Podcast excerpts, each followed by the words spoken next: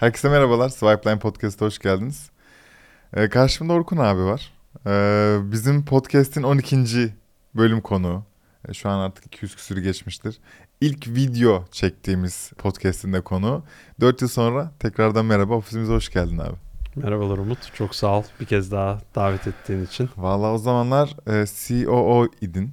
Şimdi CEO oldun. Hayırlı olsun. Teşekkür ediyorum. Nasılmış CEO olmak? Ee, iyiymiş. ya İzko'nun CEO'su olmak tabii ki çok güzel bir şey. Ya İzgo ayrı bir hikaye değil mi ya? Hani dışarıdan bir göz olarak söylüyorum. Startup olarak başlayıp bu kadar hızlı köklerini salan, kurumsal bir yapıya ulaşan artık insanların gözünde sapa sağlam duran yegane şirketlerden biri. Hani o startup ruhuyla başlayan. Bunun da bazı sanırım nedenleri var. Hem 10 sene oldu İzgo'nun varlığı ve bir 10 sene daha olacak gibi iddia da var. O yüzden bütün bunları konuşmak istiyorum. Ve senin perspektifinden konuşmak istiyorum her şeyi. O yüzden Orkun için e, bu İziko'nun 10 yılı nasıldı? Nasıl geçti? Böyle bir nefeste söyleyince herhalde yüksek nabızda heyecanlı geçti diyebilirim. Aslında senin dediğin gibi biz 4 sene önce de programı yaparken benim perspektifimden konuşmuştuk. Tabii. Bayağı da keyifli olmuştu. Bugün de birazcık benim perspektifimden yine söyleyecek olursak ben Barbaros Tahsin'le ilk tanıştığımda zaten ki bundan 9 sene önce. Hı hı. Yani İzgo vardı o zaman onlar başlamışlardı zaten. İlk tanıştığımda bugünlerin hayallerini konuşmuştuk aslında. Bugünlerde neler olabileceğini konuşmuştuk. Ve benim de İzgo'ya katılmamdaki en büyük şey, en büyük etkenlerden bir tanesi çok büyük bir şeyi çok uzun süre yapmak. Hatta burada bir miras yaratmak yani bir legacy olması. Bu sene evet önemli. 10. senesi. 10. senesini kutluyoruz. Ama daha nice onlar olacağına emin olduğumuz için de böyle güzel kutluyoruz tabii ki. Bu 10 senede peki neden yani 10 sene neden önemli diye düşündüğümüzde de çünkü girişim olarak başladı Izko. Hı hı. Bir startup. Yatırımlar aldı. Tohum yatırım aldı. Sonra A, B, C roundlar bildiğin gibi harf harf gidiyor. Roundlar oldu. Sonra bir exit hikayesi oldu. Birleşme hikayesi. Ve o şekilde devam ediyor. Bugün baktığımızda benim Barbaros Tahsin'le tanıştığım senenin sonraki senesinde 200 milyon hacim yapan bir Iziko'dan 70 milyar yapan bir Iziko'ya. Lira. 70 milyar TL hacim yapan bir Iziko'ya evrildi. Çokmuş ya. 30 kişiden 260 kişiye evrildi. O zaman ilk başladığımızda 500-600 üye iş yerimiz vardı. Hı hı. Şimdi 100 bin üye iş yerimiz var. Bunun içinde bayağı bir tabii tahmin edeceğin gibi hikayeler, highlightlar, lowlightlar, öğrenimler, e, hatalar, doğrular var. Ya bütün bu 10 yıl ve bahsettiğin hikayeler düşününce sence İziko'nun en iyi yaptığı şey ne bu geçtiğimiz 10 senede? EasyGo'nun en iyi yaptığı yani birden çok iyi şey var. Bir iyi yaptığımız şey neyi iyi yapmadığımız konusunda dürüst olmak kendimize karşı. Ve bununla ilgili konuşabilmek açık yürekli bir şey, açık sözlü ve açık yürekli bir şekilde konuşabilmek. Birbirimizi parmakla göstermek yerine ekip olarak bu hatayı sahiplenmek Hmm. ve ekip olarak bu hatayı nasıl düzeltebiliriz demek. Ve burada herkese karşı şeffaf olmak. Sadece ekibe karşı değil, dışarıya karşı da. Bence bunu iyi yaptık. Neyi Çok iyi yapamadığımızı iyi analiz edip iyi öğrendik. Uzun vadeli plan yaptık her zaman için ve hala öyle yapıyoruz. Ürünlerimizi yaparken, problemleri çözerken, gerçek problemleri çözmeye çalışırken teknolojiyle uzun vadeli planlar yaptık. Gittiğimiz yolu iyi anlattığımızı düşünüyorum ekibe de. Zamanında yatırımcılarımıza, bugün globaldeki eee, şirkete, grubumuza ve ekibimize o anlamda da hem kendimiz inandık hem ekip inandı. O zaman da bu yolda yürümek tabii ki daha kolay olabiliyor.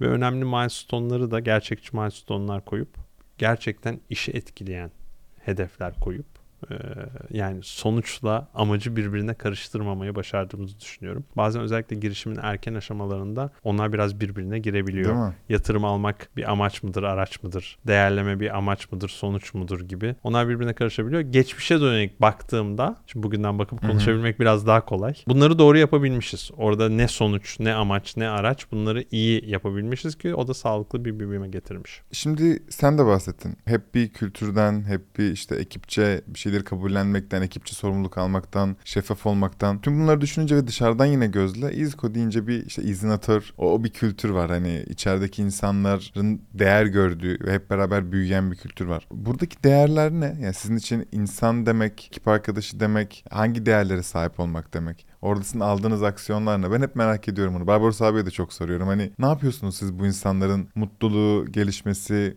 için veya neye bakıyorsunuz bir insanın izinatör olabilmesi için?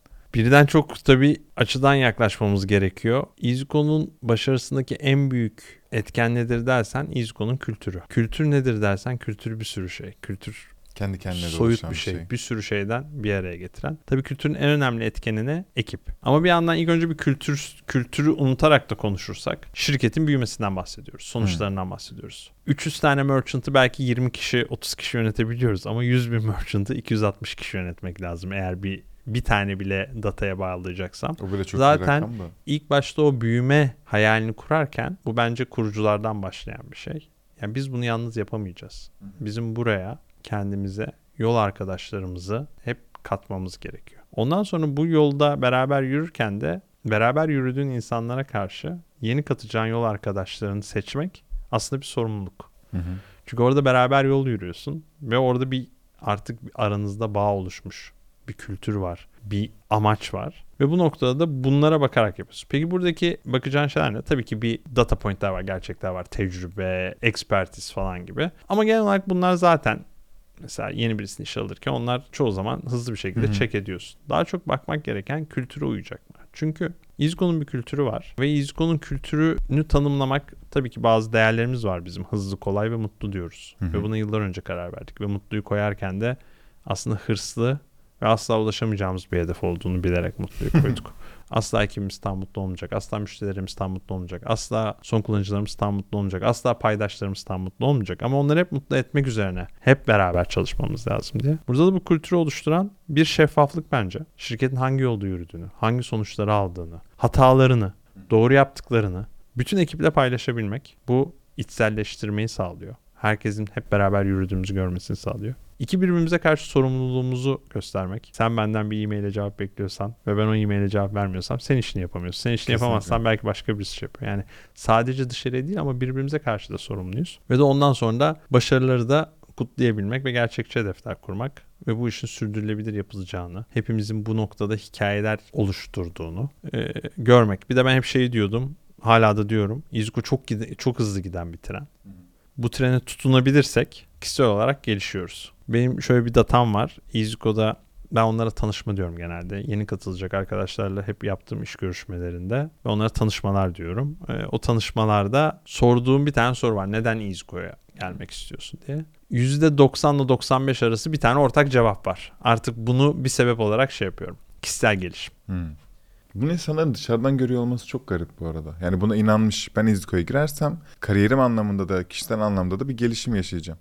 Bu, bu inanılmaz bir şey bence. Evet ben de şunu diyorum. Bir konuda rahatım. Bu tren o kadar hızlı gidiyor ki bu treni tutulan herkes kendini gelişecek. Hatta şöyle söyleyeyim kendini geliştirmek zorunda. Değil mi?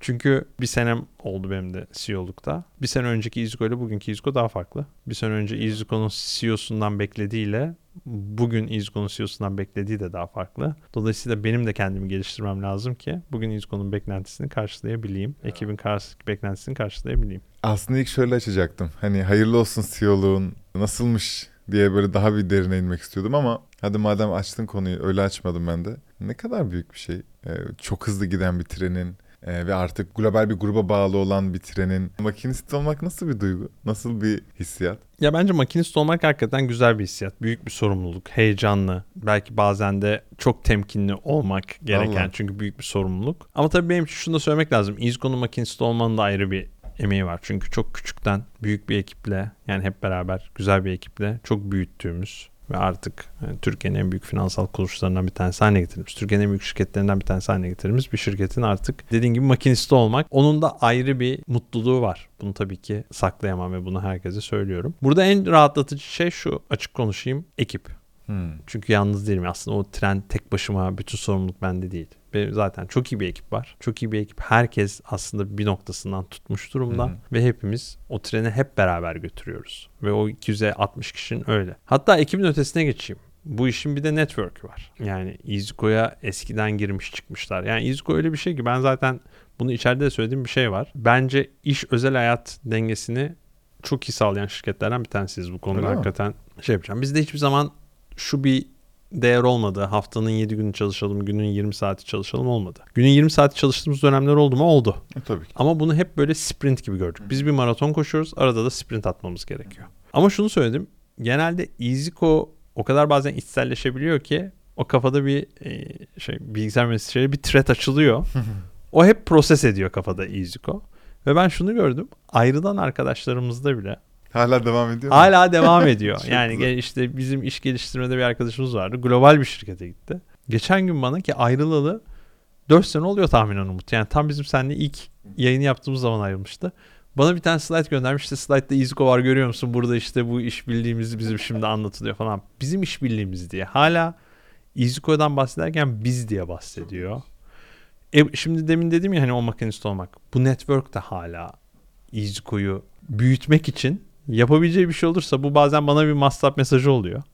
Bir WhatsApp mesajı atıyorlar. Bazen bir görüşme oluyor. Bazen bir tanıştırma oluyor. Bu network'te devam ediyor. Mesela en son örneği WhatsApp'tan geçen gün çok uzun yıllardır çalıştığımız beraber bir girişim Min kurucusu bana yazdı. O bir arkadaşına bizi söylemiş ve şey demiş yani. İzgo iyidir zaten onlarla çalış. Sonra bir şey olmuş o da bana yazıyor ya onunla ilgilenirsen süper olur. Bu bile belki orada bir mutsuzluk yaratma ihtimalimiz varken o tanıştırma sayesinde o mutsuzluğun önüne geçmiş olduk. Network demişken çok garip bir sorun var. CEO olunca ayrı bir özel bir güruhun içine dahil oluyor musun? İşte CEO'la sadece CEO'ların olduğu bir akşam yemeğine falan gibi böyle etkinlikler var mı?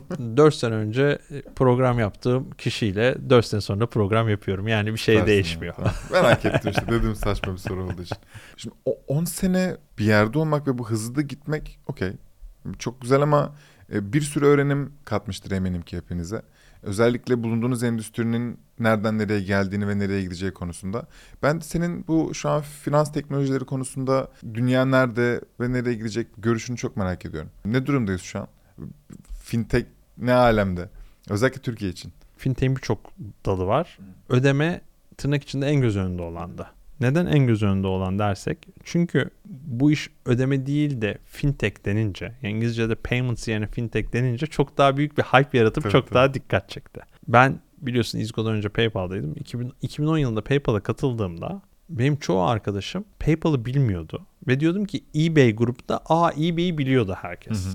Yani 2010 yılında herkes eBay'i bilirken PayPal'ı çok az insan biliyordu. Bugün baktığımızda PayPal'ın dünyada 400 milyon kullanıcısı var. Herhalde kullanıcı sayısında da eBay'i geçmiş durumda. Market cap'te falan geçti zaten de kullanıcı sayısında da geçti. Yani 2014-15'ten itibaren fintech altında ödeme çok daha fazla göz önünde olmaya başladı. Hı hı. Bunun bence en önemli etkisi çünkü gerçek bir problemi çözerek mümkün kılıyor. Neye mümkün kılıyor? Ticarete mümkün kılıyor. E-ticarete mümkün kılıyor. Girişimlerin büyümesine mümkün kılıyor. Tabii bu hızlı büyümeler gelirken birazcık bazen bence amaçla araçların da karıştığı noktalar oldu. Hani demin İzgo'da iyi yaptığımız şeye baktığımızda hem globalde hem lokalde bazen yatırım araçtı İzgo'da hep. Yatırım amaç olabiliyor. Ee, exit amaç olabiliyor. Exit, valuation amaç olabiliyor. O zaman da tam sağlıklı büyümeler olmuyor. İzgo'da bu 10 yıllı özel kılan nedir dersem önümüzdeki 10 yıllarla ilgili kendimizden bu kadar emin olmamızı sağlayan ne dersen İzgo'nun DNA'sında ilk günden beri zaten finansal olarak bu işi sürdürebilmek. Unit ekonomik dediğimiz her yaptığımız işte karlılık var mı? Gerçek bir problemi çözüyor muyuz? Tabii ki İzgo ilk aşamasında yatırımla büyümüş bir girişimdi. Hı hı.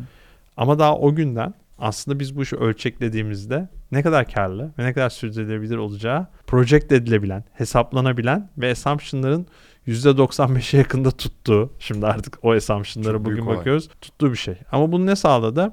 Bir yatırım hiçbir zaman amaç olmadı. Valuation hiçbir zaman amaç olmadı. Exit hiçbir zaman amaç olmadı. Sadece unit ekonomi sağlıklı bir iş modeli bulup gerçek problemleri çözerek onu değişik anlamlarda büyütmek oldu. Bu anlamda EasyCo yayınlanan fintech raporunda da EasyCo'nun exit'in ne kadar büyük olduğu ondan sonra biraz daha sakinlediği Türkiye pazarında söyleniyor. Bu tabii ki güzel bir şey. Bence başka daha güzel projeler de olacaktır. Ama bugün baktığımızda da EasyCo tablosuna zaten finansalları çok güçlü. Ekibi çok güçlü. Ürünleri kuvvetli. Üye işleri ağı geniş. Son kullanıcı sayısı 2 milyona ulaşmış. Hmm.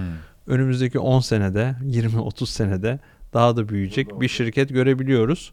Bunu sağlayan işte demin dediğim dürüstlükle, vicdanlikle ve disiplinle bu unit ekonomiklere bakıp bu finansal sürdürülebilirliği her gün ajandamıza almamız. Bu çok garip bir konuymuş ve sanırım seninle kayıt öncesi de konuştuk. Es sen dedin ki şu an moda olan şeyler demode olmaya başladı. Eskiden hiç umurumuzda değildi karlılık. Unit economics yani birim karlılık asla umurumuzda değildi. Ve süper değerlemelerden bir bir yatırım alıyorduk. Artık öyle bir dünya yok. Para daha pahalı. Parayı bulmak daha zor. ve e, artık biri sana parasını verdiğinde o dediğin bu- burası finansal olarak sürdürülebilir olacak mı? Planları ne diye bakıyorlar. Ve biz erken aşama girişimler şu an müzdaribiz bu konuda. Çünkü daha önce böyle bir mantıkta kurmadık buraya. Öyle bir mantıkta değildik. Birçoğumuz için konuşayım. Eminim ki olanlar vardır. E, ne yapacağız artık? Şu an ben dahil hepimiz karlılığa kafayı takmış durumdayız ama neye bakmalıyız burada? E, neye göre çizmeliyiz grafiğimizi? Gerçekçi olmak ve adapte olmak lazım. Çünkü bu birim karlılığı bence zaten en önemli konu. Dediğin gibi bir noktada Her işte dünyada birim karlılık ölçülebiliyor mu? Her modelde. her modelde ölç yani ölçebileceğin bir modeli bulabilmek lazım. Ha, tamam. Bizim işimiz ölçek olduğu için belki bir üye iş yerinde biz bir üye iş yerinde de karlıyızdır ama bir üye iş yerinde karlı olmak bütün şirketi karlılığa dönüştürmez. Kaç üye iş yerinde karlı olmamız lazım ki bütün şirket dönüştürebilelim. Ama şu o zaman şu var. Biz ilk aldığımız 10 üye iş yerinde karsız olsaydık o zaman 10 üye iş yerini 100 bin üye işleri yaptığımızda karsızlığımız artacaktı. Evet. O nedenle birim demek istediğimin sebebi o. Yani bir tane ölçeklediğinde ölçeklediğimizde bizi sürdürülebilir, yıllarca sürdürülebilir kılabilecek modeli bulmak lazım. Eğer o modeli bulamıyorsa girişimler ve zaten geçmişte de yani pandemi öncesi ve tam pandeminin ilk başında bu modeli bulamamasına rağmen girişimler yatırımlar aldı. Tüm dünyada, Türkiye'de Tabii değil tüm dünyada. Ama o zaman da o yatırımları aldı ama bunu bu belli aşamalarda da gelebilir. Sonra karlılığa da dönebilir. Ama bu planlanmamışsa çok büyük yatırımların tüm dünyada yani globalde gördüğümüz bir türlü karlılığa dönüşmediğini de gördük. Hı hı. Bu anlamda şu an dünya çok daha gerçekçi bir yer. Yatırımcılar çok daha gerçekçi bakıyorlar. Biz İzgo'da hep böyle bakıyorduk. Biz hep böyle baktık. Yani bizim birazcık işe bakışımız bu. Girişim yani founder'larda, ben de, yönetim ekibi de, ekip de. Biz öyle baktığımız için açıkçası diyeceksin ki o çok büyük yatırımlar aldığınız dönemler 15 milyon dolar değil belki 50 milyon dolar alabilirdiniz. Hayır almadık. Bizim 15 milyon dolara ihtiyacımız vardı ve onu aldık. Ve o anlamda da karlılığa çıktık. O bizim zamanımızda belki de biraz eleştirildiğimiz daha agresif olmaz mısınız demode dediğim şeyler bugün moda oldu ve kesinlikle girişimlerin hatta ölçeklenmiş girişimlerin yani daha yatırım almak isteyen bütün şirketlerin buna adapte olması gerekiyor. Çünkü artık konuşulan konular birim karlılığı, ne zaman karlılık olacak, o karlılık nasıl ölçeklenecek, ölçek nasıl yönetilecek, ölçeğe gidene kadar ne kadar yatırım gerekecek. Bu Nasıl re- stres biliyor musun? realite sorulara. Eminim Biliyorum ama biliyorsun. biliyorsun İzgo'da hep biz bir şey söylüyoruz. Kolay olsa herkes yapardı. Aynen öyle. Ya vallahi iyi bir kırbaç açıkça söyleyeyim dürüstlükle. İyi bir beyin jimnastiği ve seni farklı alternatifler bulmaya da itiyor. O yüzden işte Türk girişimcisi için her zaman çok zor şartlar altında başarıya ulaşmaya çalıştığı için aslında kasları çok daha kuvvetli deniyor ya. Gerçekten var böyle bir şey ve ekstra ekstra çalışıyoruz şu an. Daha ne ol, ne yapabiliriz ve karlılık olabilir diye. Ama bunu yaparken kültürü, modeli, ruhu da bozmamak lazım. Hepimize kolaylıklar diliyorum. 2022 önemli bir sene miydi? Onu merak ediyorum İzduko için.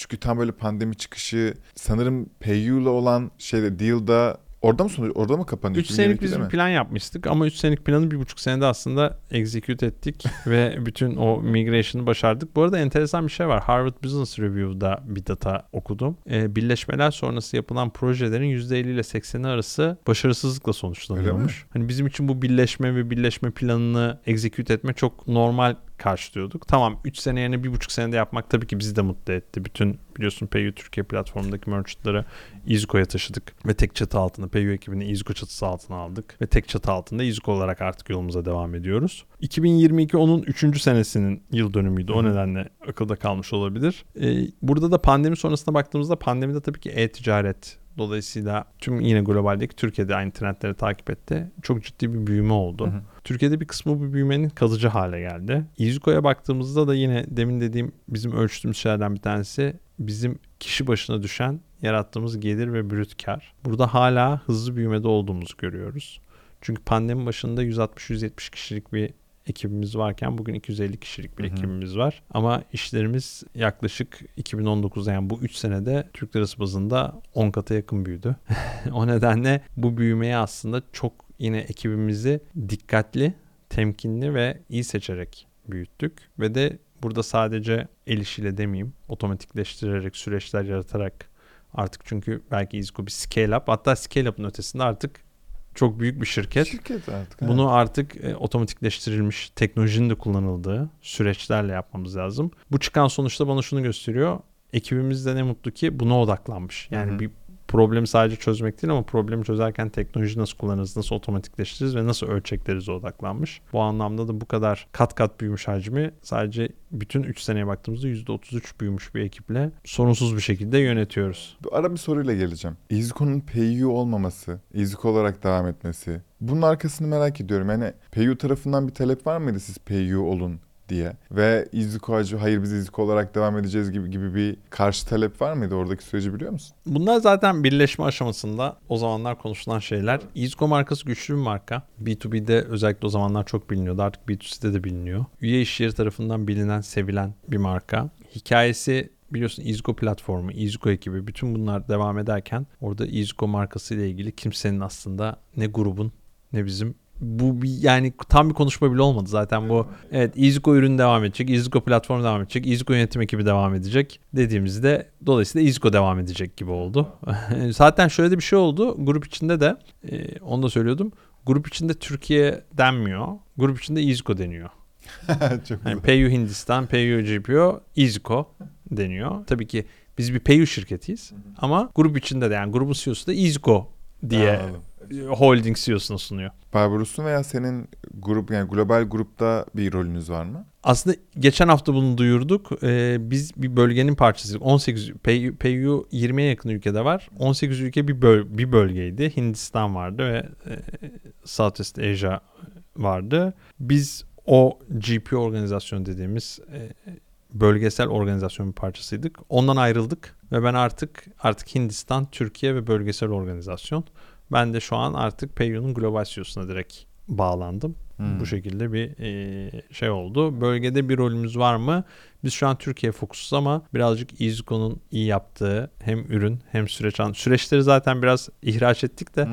e, iyi yaptığı ürünleri de başka yerlerde nasıl kullanabiliriz diye bayağı bir konuşmamız var. Var. Somut bir plan yok ama konuşmamız var. 2023 peki yani işte bu sözleşmenin earnout'un veya işte bütün hedeflerin tutturulduğu 2022'den sonra 2023 nasıl geçiyor? Burada bu 2023 özel özel bir e, sene mi sizin için? Şöyle evet hem Cumhuriyetimizin 100. yılı hem de İzgo'nun 10. yılı. 10 yılda neler oldu? Çok şey oldu. Benim unuttuğum gibi ama aslında bu içinde olduğu topluma, içinde olduğu sektöre, ekonomiye pozitif bir etki eden ve İzgo iyidir Hı hı. hissiyatını yaratan bir hikaye, şirket yaratmak istiyorduk. 2023 şöyle önemli. Baktığımızda bugün üye işleri memnuniyetimizde %90-92 arasında giden bir memnuniyet var. Evet 2000 tane varken de buydu. Ama 2000'de %90-92 yakalamak daha kolaydı. Hı hı. Açık söyleyeyim sana, itiraf edeyim. Ama 100 bin üye işleri olduğunda bu %90-92 yaratmak daha zor oluyor. E, etki raporlarımıza baktığımızda evet Türkiye'de şu an eğer İZGO olmasaydı ben e-ticaret yapmıyordum diyen kobilerimiz var. Kadın girişimcilerimiz var. Bunlar çok önemli. Bugün İZGO'nun dijital cüzdan sayesinde herkes anında Türkiye'nin neresinde olursa olsun ne yapıyor yani cinsiyet, din, dil, ırk fark etmeden hesabını açıp anında internette veya kartıyla istediği yerde istediği alışveriş veya istediği etki yapacak. Çünkü İzgo tabii ki bizim ana şeyimiz e-ticaret ve alışveriş ama bunun yanı sıra bir sürü başka girişimle de çalışıyoruz. Başka projenin de içinde yer alıyoruz bildiğin gibi. Buna şey yapabiliyor.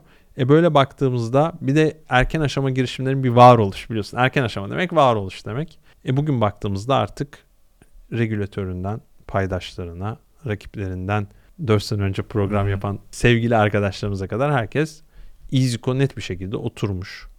Ve de iyidir denilen bir şirket haline geldi. Bundan sonra önümüzdeki 10 senenin hayallerini şu an kuruyoruz. Kurduk zaten de onları hayata geçirmeye çalışıyoruz. Biraz hani hep İzko kabından taşandı. Bundan sonra kabımızdan nasıl taşıyacağız, neler yapacağız diye hayallerimiz var. Onları hayata geçirmek istiyoruz. Peki ya bu 10 senelik plan demek gerçekten şu mu? Hakikaten 10 senenin 120 ayın teker teker planı mı var? Ne yapacağız gibi? Yoksa işte ilk 5 senesi daha somut ama geri kalan 5 senesi biraz daha hedef gibi mi? Aslında şöyle 5 yıllık finansal ciddi bir plan yapıyoruz. O 5 yıllık planı 10 yıla uzatıyoruz diyeyim, extend ediyoruz. Ama 5 yıllık finansal yaparken bir de 3 yıllık kısmına çok daha derin bir bakış açısıyla yaklaşıyoruz. Orada dışarıdaki sektör datalarını hatta dışarıda bazı beraber çalıştığımız danışmanlarımızın verdiği dataları, değişik vertikallerin büyümelerini bunların hepsini ekleyerek ve bizim kendimizin yapacağı ürünlerin sonuçlarını koyarak çok daha iyi bir plan yapıyoruz. Ee, sana geçmişten şöyle bir data vereyim. İzgo PU birleşmesinde yaptığımız 3 senelik planı çoğu KPI'ını %100 ile %95 arasında tutturduk. Çok iyi ya. Sadece bir, bir tanesi %80'lere kaldı. Onun dışında hani böyle 10 tane falan KPI varsa bunların hepsi %90-95 95 ile %100 arası tuttu.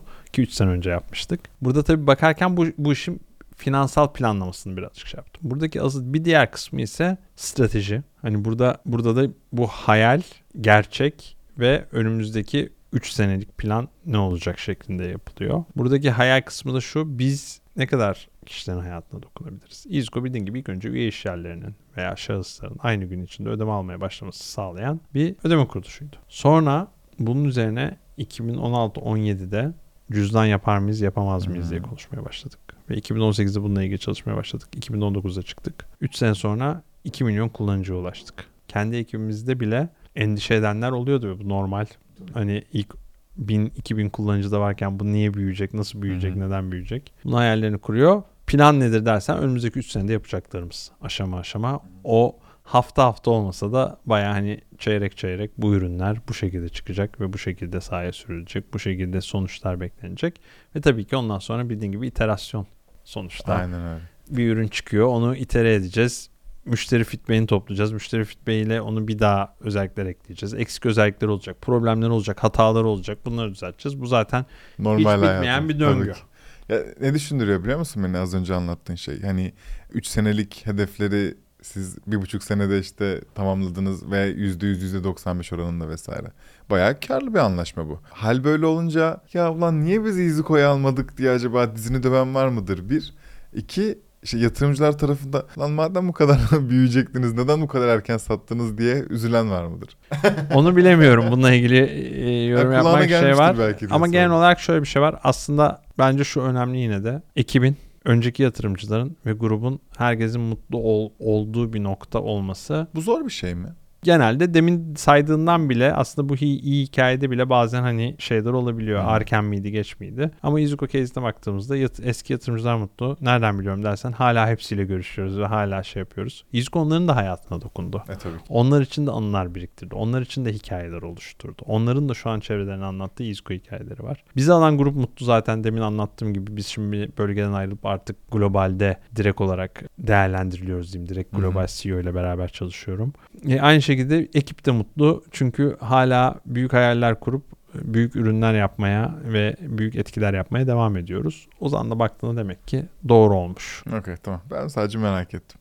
Ya şeyi merak ediyorum. Ürün ve hizmetler gelecek mi yeni? Çünkü az önce böyle yeni yeni neler yaptığınızı, sonra son kullanıcıya geldiğinizi anlattın. Önümüzdeki bu 3 senelikte herhalde sormak doğru orası daha bir e, kapsamlı planlandı diye. Neler göreceğiz Eziko tarafından? Sen de bildiğin gibi Easyco yola çıkarken hem kuruluşların hem girişimlerin hem de şahısların aynı gün içinde ödeme almaya başlamasını sağlayan bir finansal teknoloji şirketi olarak başladı. Bu iş büyüdükçe ama biz son kullanıcılar için de ne yapabileceğimize baktık ve son kullanıcılar için de 2016-17 yıllarında bir dijital cüzdan inşa edebilir miyiz diye düşündük. Ve bunun temelini de aslında korumalı alışverişte attık. Bugün baktığımızda e, 4 milyon kayıtlı kullanıcı dijital cüzdanımızı bizim kullanıyor. Ve bu benim için çok önemli bir hikaye çünkü aslında 2019 yılında belki 10 binlerce kullanıcı vardı. 2019 yılında 10 binlerce kullanıcıdan şu an 4 milyona vardık. Tabii ki şu an önümüze baktığımızda bu rakamı nasıl 20 milyona çıkartabiliriz? Neler sunabiliriz? E bizim odaklandığımız nokta alışverişin etrafında hem üye işyerlerini hem satıcıları hem son kullanıcıları, alıcıları problemlerini çözerek daha iyi bir deneyim sağlamalarını yaşatmak istiyoruz ve bununla ilgili de ürünler ve özellikler geliştirmek istiyoruz. Anlatabiliyor musunuz bazılarını? Bazılarını anlatabiliyorum tabii ki.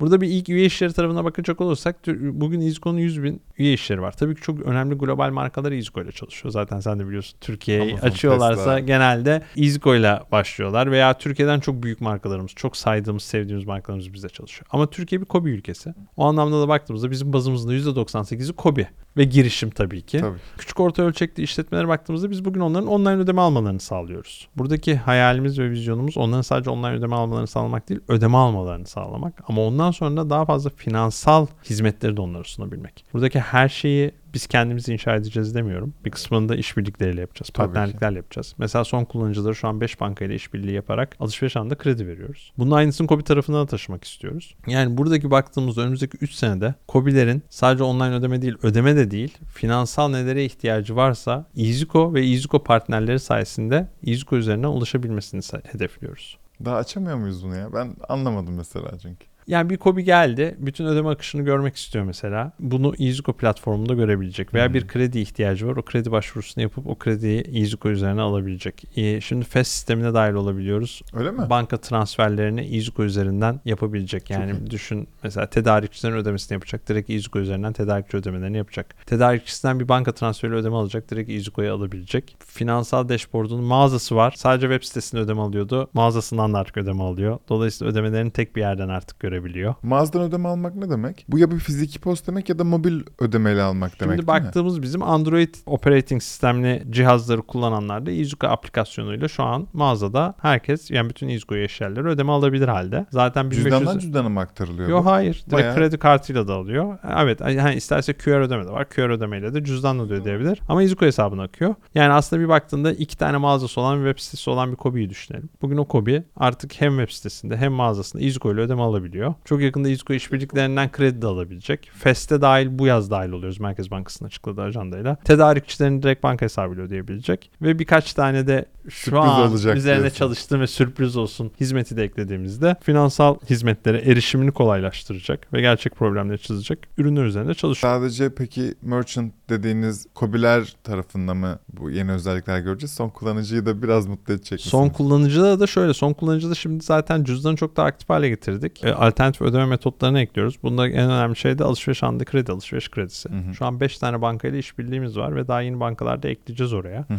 Aslında girdiğimiz zaman bir kullanıcı şu an cüzdanla ödeme yapacağı zaman kredi kartı debit kartını tabii ki seçebilir. Bakiyesinde hesap olabilir. Çünkü bir sürü üye işlerimiz Hı hı, nakit hı. iade kampanyası yapıyor. Nakit iade kazanmış olabilir. Dolayısıyla bir kısmını nakit iadeyle öder, bir kısmını kredi kartıyla öder. Daha önce banka havalesinden top up yapmış olabilir veya bir ATM'den para yüklemiş olabilir. Ya da kredi kartı limitimi şu an kullanmak istemiyorum. Daha büyük bir şey veya bir alışveriş kredisi almak istiyorum dediğinde şu an 5 banka o Öyle. banka sayısını arttırmaya çalışıyoruz ve büyük bir ihtimalle kullanıcılarımızın çok büyük bir yüzdesi kendi çalıştıkları bankaları zaten orada görüp direkt anında anında bu işbirliği sayesinde kredi alabilecekler. Bunu tabii ki şimdi biraz baktığımızda önümüzdeki 3 senedeki büyük konular ne dersen perakendede de bir shift yaşanıyor pandemi sonrası. Hı hı. Perakendede yaşanan paradigma değişimi nedir? Aslında yıllardır konuşulan şey pandemiyle beraber birazcık gerçekleşti. Çoğu perakendeci tecrübeyi tekleştirmeyi başardı. Tekleştirmek nedir? Web sitesinden aldığını mağazada iade et. Mağazadan aldığını evet. web sitesine şey yap. Mağazada dene web sitesinden al. Hı. Mağaza içinde web sitesinden al gibi veya mağazada konuştuğun kişinin de satışı baştan sona tamamlayabilmesi onların kendi iç geliştirdikleri sistemler sayesinde. EasyCo şu an demin dediğim gibi mağaza içi ödeme çözümüyle zaten buna entegre olmuş durumda. Ama bunun daha da ötesine geçecek bazı projelerimiz var.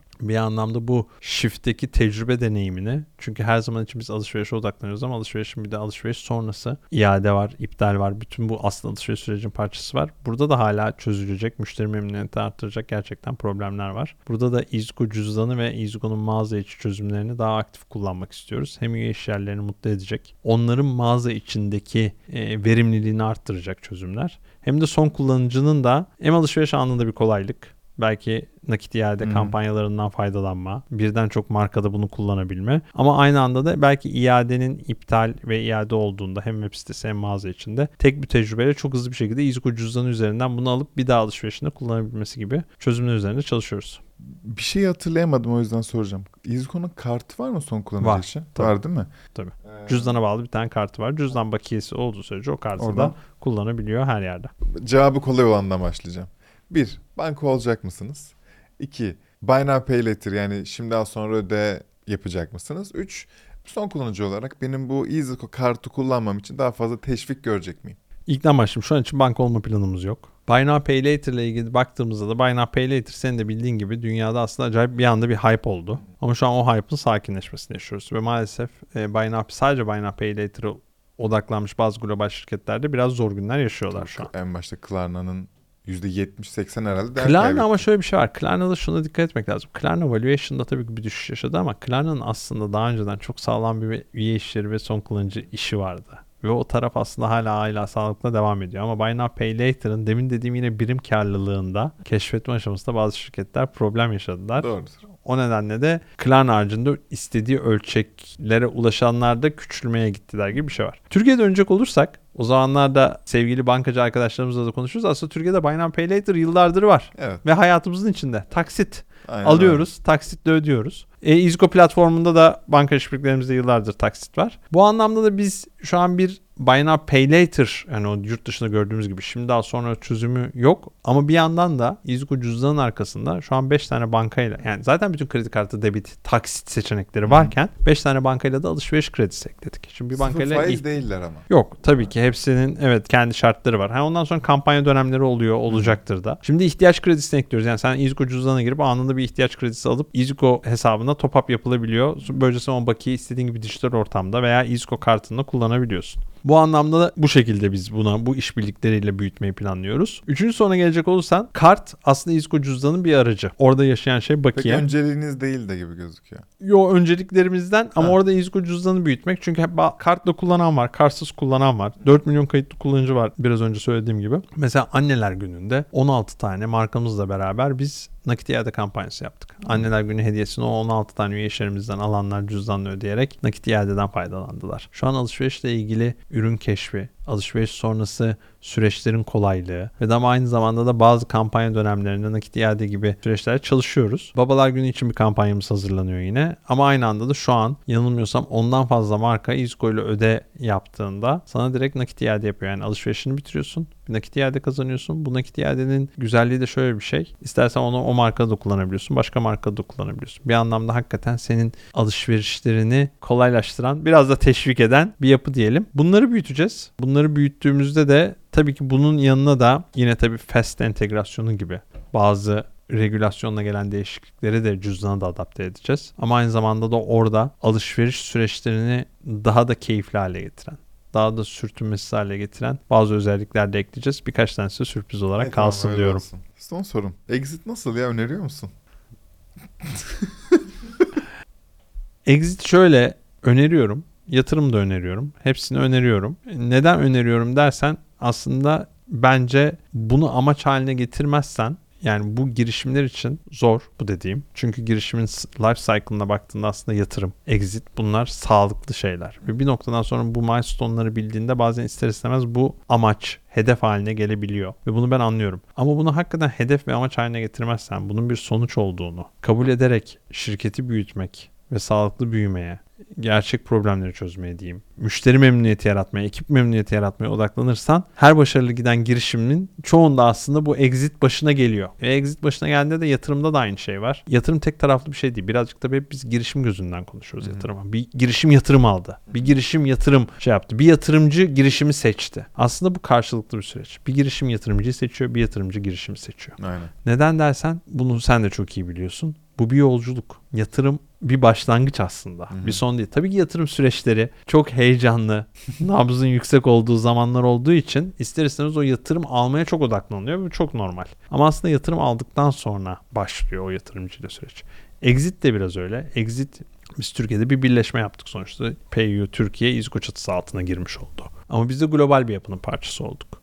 Aslında tam bunu soruyordum. Ama bu süreç-. Ama bu süreçte bizim görüşmelerimiz bir seneye yakın sürdü. Hı. Çok fazla konu konuşuldu. Hı hı. Bu plan yapıldı ve belki de bu kadar titiz yaklaşılması iki taraf açısından da iki tarafın da birbirini bu kadar titizlikle seçmesi bildiğin gibi global ekiple hep konuştuk. Çok önemliydi çünkü bugün gönül rahatlığıyla ben sana 3 senelik planımızın hepsini %95-%100 arasında tutturduk dediğimizde bu tabii ki İzko'yu mutlu ettiği gibi global tarafı da çok mutlu Evet, ediyor. E İzko markasını bu kadar iyi büyüttük dediğimde bu tabii ki İzko'yu çok mutlu ediyor ama globaldeki herkesin Türkiye demeyip İzgo demesi yani tabii Türkiye'yi biliyorlar ama artık İzgo o kadar özdeşleşmiş durumda ki İzgo demesi e bu hepimizi mutlu ediyor. Bu anlamda bu yolculuk devam ediyor. Çünkü bu sene İzgo'nun 10. yılını kutluyoruz ama 20. yılında belki 20 milyon kullanıcıya neler daha yeni Hmm. yapacağızı konuşacağız. Hadi inşallah. O nedenle bu yolculukta da exit de aslında o da bir milestone. Bir son nokta değil. Aa exit yaptık bitti değil. Devam ediyor. Ben aslında şuradan sormuştum. O bütün o bürokrasi ve o birleşme süreci çok sancılıdır gibi hisset, yani düşündürüyor beni. O yüzden öneriyor musun? Hani okey para kazanıyoruz ama bu bu 3 seneyi bir de bana sor gibi bir şey var mı diye. Doğru zaman geldiğinde evet doğru Hmm. zaman doğru zaman doğru parti bir araya geldiğinde şey yapıyor. O zaman da O kadar yeteri kadar olmuyor. kolay değil. Biz onun özellikle ilk bir senesinde ciddi anlamda bu birleşme sonrası proje yönetimine odaklandık. Ve ben bu son zamanlarda birazcık bunu araştırdığımda çok net verilere ulaşamasak da bu Harvard Business Review'daki bir makalede okudum. %50 ile 80 arası birleşme sonrası projeler başarısızlığa ulaşıyor dediğinde aslında bunun ne kadar titizlikle hazırlanması ve ondan sonra ne kadar iyi egzeküt edilmesi gerektiğini gösteriliyor. Dünyada da örnekleri var. Çok büyük gruplar birleşti. İşte World Bay FIS birleşti. Şimdi yeniden ayrılıyorlar falan gibi şeyler konuşuluyor. Ölçekler ne kadar büyürse tabii bu birleşmeler o kadar daha proje tahmin edeceğin gibi karmaşıklaşıyor. Ee, ama bence titizlikle hazırlandığında ve doğru partiler birbirini seçtiğinde e, kolay değil ama gayet rahat bir şekilde şey yapılıyor. Biz de bugün baktığında aslında biz 2019'da İzko liderdi. PYU Türkiye ikinciydi. Şu an bu liderliği devam ettiriyoruz. Aslında bu şey oldu. Bir, bir konsolidasyon da diye de düşünebilirsin. Bu anlamda doğru zamanda doğru partiler bir araya geldi ve doğru planlar yapıldığında bu yolculuğun devam ettiğinde öngördüğümüzde bence exit öneriyorum. Okey çok iyi. Şöyle kapatmayı rica ediyorum abi. İzliko çok uzun zamandır e, sahiplendiği iki konu var. Bir tarafı startuplar onlara destek. Diğer tarafı da kadın satıcılar mı demek daha doğru orada? Kadın, girişimciler, mi diyelim. demek daha- Evet. E, Kadın girişimciler ve onlara taraf olan desteği. Böyle birer cümle en azından bunlardan bahsedersen Evet, bunu- hem de yani gel gel de yaparız. Hatta isterseniz açıktır hala programlar diye düşünüyorum. Açıklamada da linkini koyarız yani. Tabii çok iyi oldu sordun. Çünkü niye bizim ekibimiz içinde bile bazen sorulan Easy Start var bir de kadın girişimcilik programımız var. Easy Start varken niye kadın girişimcilik programı var? Neye ihtiyaç var derken ben de ilk kadın girişimcilik programı çıktığında aynı soruyu sormuştum. İlk Easy Start'ta başladım. Easy Start'ta biz 2015 yılında başladık. Girişimin halinden girişim anlar. Aslında bu EasyCo'nun DNA'sında olan bir şey de var. Biz her zaman şunu dedik kendimize de ekibimize de. Saman alevi bir şey yapmayalım. Bir şey yapalım. Bazı şeyleri bu yüzden yapmadık. Yapabilirdik ama bunu sürdüremeyeceğimizi düşündük. Biz İstar'da 2015 yılında başladık. 8. senesi. Yanılmıyorsam 150'ye yakın girişim olması lazım. İçinden 12-13 tane de şampiyon çıktı. Şampiyon bizim için şu demek. Hakikaten işleri çok büyüdü. Hmm. Gerçekten şey yaptılar. Ve bu program hep devam ediyor. Bu programın aslında bir dönemi yok. Çünkü şöyle Yine burada işbirliği yaptıklarımız var. Startup, akseleratör, inkübatör ve bazı yatırımcılar. Onların seçtiği, Hı hı. inkübe ettiği, akselere ettiği, yatırım yaptığı startuplar otomatik olarak programımıza giriyor. Ve bu programda hem maddi hem manevi destekler var. Ve bu program onların birazcık ilk o kalkış anında hayatlarını kolaylaştırmaya yönelik bir dizayn edilmiş ve o hep devam ediyor. Ve umarım önümüzdeki onla, onlarca Umarım. yılda da devam edecek. Çok değerli. Diğeri de kadın girişimcilik. O daha sonra başladı. İhtiyaç ne dersen bir biz kendi yaptığımız etki raporlarımızda İzgo ile çalışan kadın girişimcilerin çok başarılı olduğunu gördük. Hmm. Ee, enteresan da bir data bile var. Ee, kadın girişimcilerin büyüme hızı erkek girişimcilere göre İzgo datasında iki kat daha hızlı. Tabii ki. Ama bir anlamda da baktığımızda özellikle Dünya Bankası'nın bazı yaptığı araştırmalar ve de bazı elimizdeki veriler işte Türkiye'de %45 kadının banka hesabı olmaması gibi. Hala ekonomiye katılımda, finansal kapsayıcılıkta Türkiye'nin de daha gidecek yolumuz var her anlamda. Bir de ekibimiz şunun altını çizdi. Genelde Easy Start teknoloji odaklı çok fazla. Ama biz burada kadın girişimci deyince daha farklı. Teknoloji odaklı olmayabilir de. Bir tişört de yapıyor olabilir. Reçel ayakkabı yapıyor olabilir. Her şeyi yapıyor Aynen. olabilir. Ya Yani biz tanıştık işte sizin e, lansmanınızda ve anlattılar bütün hikayelerinde. E, bir tanesi teknoloji ürünü yapıyor. Diğeri kit satıyor. Diğeri gerçekten reçel satıyor, salça satıyor. Hem de yöresel yerlerden yani Anadolu'nun bütün bölgelerinden el yapımı kadınların yaptığı ürünleri satıyordu vesaire. Yanlış hatırlamıyorsam. aynen eğer. öyle. Çok doğru Çok hatırlıyorsun. güzel mesela bu. Bu çok güzel. Şu an programı bugüne kadar 200'den fazla kadın girişimcimizle beraber çalıştık. Bu programı dönem dönem yapıyoruz. Hı. Neden dersen çünkü onun bir planlanmış bazı eğitimleri falan da var. Yani o bir planlı bir program da var. Bir sonraki başvurularımızı Temmuz ayında açacağız. Yani bir sonraki programı Temmuz ayında başlatıyoruz. Dönem dönem başvuru topluyoruz. Başvuruları alıyoruz. Ondan sonra aldığımız kadın girişimcilere böyle bir beraber bir sprint koşuyoruz. Beraber derken tabii iş ortaklarımız da var. Hı hı. Sadece İZKO olarak değil. Beraber sprint koşuyoruz. Umarım buradaki bu 200'ün üzerindeki kadın girişimci sayımızı da 2000 20 bin yapacağız. Buna devam edeceğiz. Bu da yanılmıyorsam 4. ya da 5. yılında olması lazım ama bu da demin dediğim gibi onlarca yıl devam edecek bir programımız. Teşekkür ederim. Gelip anlattığın için her şeyi. Valla şeffaf olduğuna inanıyorum. Anlatabileceklerin her şeyi anlattığına da eminim. E, yeniden sohbet etmek çok büyük bir keyifti. Hani ilki böyle biraz daha seni tanımak üzerineydi ama ikincisi böyle İz- İzko'nun değerleri üzerine oldu. Ve hepimizin lav markasınız abi. Yani o yüzden teşekkür ederim gelip anlattığın için. Yaptığınız işleri 4 sene sonra. yaptığınız işleri hem İzik olarak hem Orkun olarak çok seviyoruz. Eyvallah teşekkür ederim. Çok sağ ol. Sana da ekibe de davet için de. Bu konuşma fırsatı için de her zaman çok keyifli oluyor. 4 sene 4 sonra sene görüşürüz. beklemeyelim bence. Öyle mi? Anlaştık. Dostlar çok sağ olun izlediğiniz ve dinlediğiniz için. Orkun'a bir şey sormak isterseniz LinkedIn'in açıklama kısmına ekliyorum. Uygunsa. Anlaştık. Hem Easy Start'ın hem de kadın girişimcilik programının da linkini ekleyelim. Bence yararı olacaktır. Onun haricinde bizden başka bir şey istiyorsanız mutlaka yoruma bırakın. Kendinize çok iyi bakın. Bay bay.